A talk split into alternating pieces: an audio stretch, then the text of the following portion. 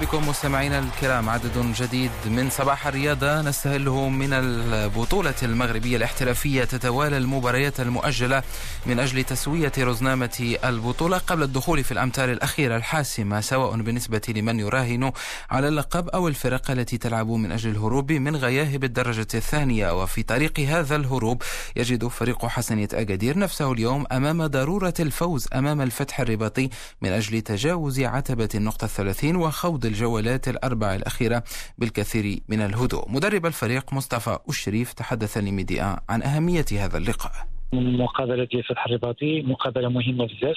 جينا بواحد العزيمه اللي ما كانش منتظر ماشي ما كانش منتظر ولكن كان أمور اللي كانوا خارج على الإرادة ديالنا. في هذه المقابلة هذه يجب تدارك يعني الموقف ونحاولوا ننتصروا. وكنعرفوا أننا نلعبوا مع واحد الفريق كما كنقولوا اللي لقى نفسه في هذه الدورة الأخيرة اللي انتصر بواحد الحصة كبيرة. غادي يكون كما كنقولوا عنده واحد موتيفاسيون في هذه النتيجة هذه. ولهذا خصنا نكونوا مستعدين يعني باش نجريو واحد المقابلة قوية. ما غاديش تكون سهلة.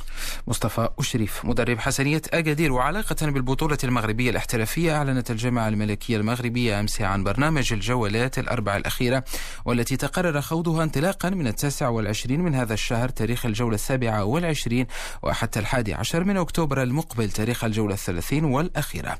وأشارت الجامعة أيضا إلى أن الاتفاق يشمل الناخب المغربي البوسني وحيد لوزيتش الذي لن يدرج لاعبي البطولة المغربية في لائحته النهائية الخاصة بالمباراة المباريات الودية التي تجرى شهر أكتوبر.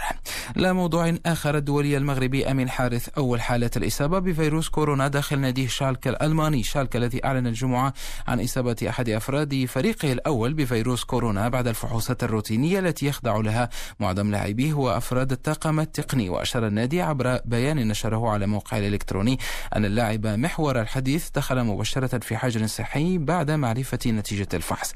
أمين حارث الذي قد يتغيب على المباريات الودية التي سيخوضها المنتخب المغربي انطلاقا من السادس من أكتوبر أمام السنغال والكونغو الديمقراطية في الثالث عشر من نفس الشهر. كرة القدم الأوروبية الآن والبداية بالحديث عن أبرز مباريات الدوريات الأوروبية التي تجرى اليوم في إسبانيا ريال مدريد بعد تعادله الأسبوع الماضي أمام ريال سوسيداد يحل ضيفا على ريال بيتيس لحساب الأسبوع الثالث من الليغا. ريال يبحث عن تحقيق أول فوز له هذا الموسم من أجل بداية حملة الدفاع عن لقبه بقوة. اليوم في الليغا أيضا فالنسيا يستقبل ويسكا وإلتشي أمام ريال سوسيداد.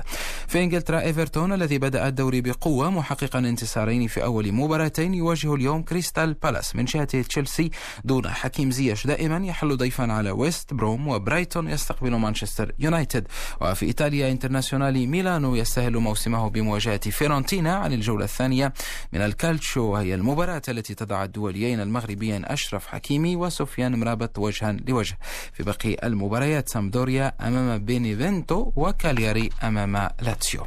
في سوق الانتقالات لويس سواريز ظهر للمرة الأولى وهو يرتدي قميص أتلتيكو مدريد ابتسامة عريضة ارتسمت على وجه الأوروغوياني الذي قد يشارك في مباراة غرناطة الأحد في الليغا. استقبال حافل حظي بها اللاعب بعد تحول قادة الفريق لاستقباله الحارس يان أوبلاك والإسباني كوكي.